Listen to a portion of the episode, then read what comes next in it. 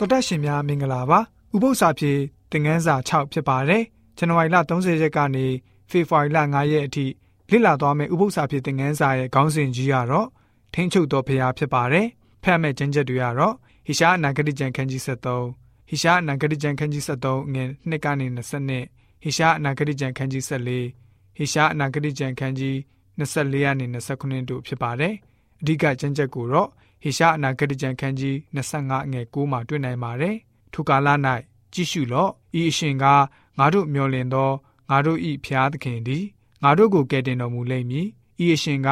ငါတို့မျှော်လင့်သောထာဝရဘုရားသည်ကယ်တင်တော်မူခြင်းကျေးဇူးကြောင့်ငါတို့သည်ဝမ်းမြောက်ရွှင်လန်းကြကုန်အံ့ဟုဆိုကြလိမ့်မည်ဆိုပြီးတော့ဖော်ပြထားပါတယ်။မာနကြီးခြင်းအကြောင်းဝါကြွားခြင်းအကြောင်းကို အမှုတော်ဆောင်ကြီးက ဟောပြောပြီးဆုံးသွားတဲ့အခါမှာအမျိုးသမီးတဦးကအဲ့ဒီတရားဟောချက်ကိုကြားခဲ့ပြီးတော့ဆရာကိုစောင့်နေခဲ့ပါတယ်ဆရာကိုတွေ့တာနဲ့ဝမ်းနဲ့ကြေကွဲတဲ့အမှုရာနဲ့မိမိမှာရှိတဲ့အပြစ်ကိုတောင်းပန်ခြင်းနဲ့လို့ဆိုလာပါတယ်အမှုတော်ဆောင်ကဘယ်လိုမျိုးသောအပြစ်ဖြစ်တဲ့အကြောင်းမေးမြန်းတဲ့အခါမှာသူမရဲ့ပြန်ဖြေပုံကတော့သူ့မှာမာနကြီးဝါကြွားတဲ့စိတ်ရှိတဲ့အကြောင်းမှန်ရှိမှနိုင်ပေါင်းများစွာထိုင်ပြီးတော့မိမိကိုယ်ကိုအလွန်လှပကြောင်း မြင်နေရတဲ့အပြစ်လို့ပြန်ပြီးတော့ဖြေခဲ့ပါတယ်အဲ့ဒီအချိန်မှာအမှုတော်ဆောင်ကြီးရဲ့တုတ်ပြန်တန်ကတော့အိုးအဲ့ဒါအပြစ်မဟုတ်ပါဘူးစိတ်ကူးရင်တက်တက်အပြစ်ပဲရှိပါသေးတယ်လို့ပြန်ပြီးတော့ဖြေလိုက်ရပါတယ်အဲ့ဒီအကြောင်းအရာကိုပေါ်လီတန်ကနေစူးစီးမတန်းတင်ထားတာဖြစ်ပါတယ်အပြစ်ရဲ့စတင်ရနေရာဟာခွန်အားကြီးတဲ့ကောင်းကင်တမန်တစ်ပါးရဲ့နှလုံးသားကနေဖြစ်ပါတယ်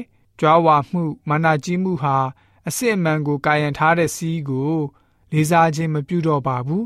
ကောင်းကင်တမန်ဖြစ်စေလူသားဖြစ်စေပို့ပြီးတော့စိုးနေတာကဝိညာဉ်ရေးဝါကြွားခြင်းမာနဟာပို့ပြီးတော့ကြီးမားဆိုးရွားပါတယ်။ကယ်တင်ခြင်းကိုအကျင့်အားဖြင့်အလုပ်အားဖြင့်ဒါမှမဟုတ်ကြိုးစားမှုတစ်ခုခုအားဖြင့်ရနိုင်တယ်လို့ယူဆခြင်းဟာဝမ်းနည်းပွေပျက်စီးခြင်းလမ်းပဲဖြစ်ပါတယ်။အခုတစ်ပတ်မှာတော့မူရင်းမာနဝါကြွားမှုနဲ့မိမိကိုယ်ကိုချီးမြှင့်ခြင်းအကြောင်းကိုလေ့လာမှာဖြစ်ပါတယ်ဆိုပြီးတော့ဥပုံနေဥပု္ပ္ပစာဖြစ်တဲ့ငန်းစာကဖော်ပြပေးထားပါတယ်။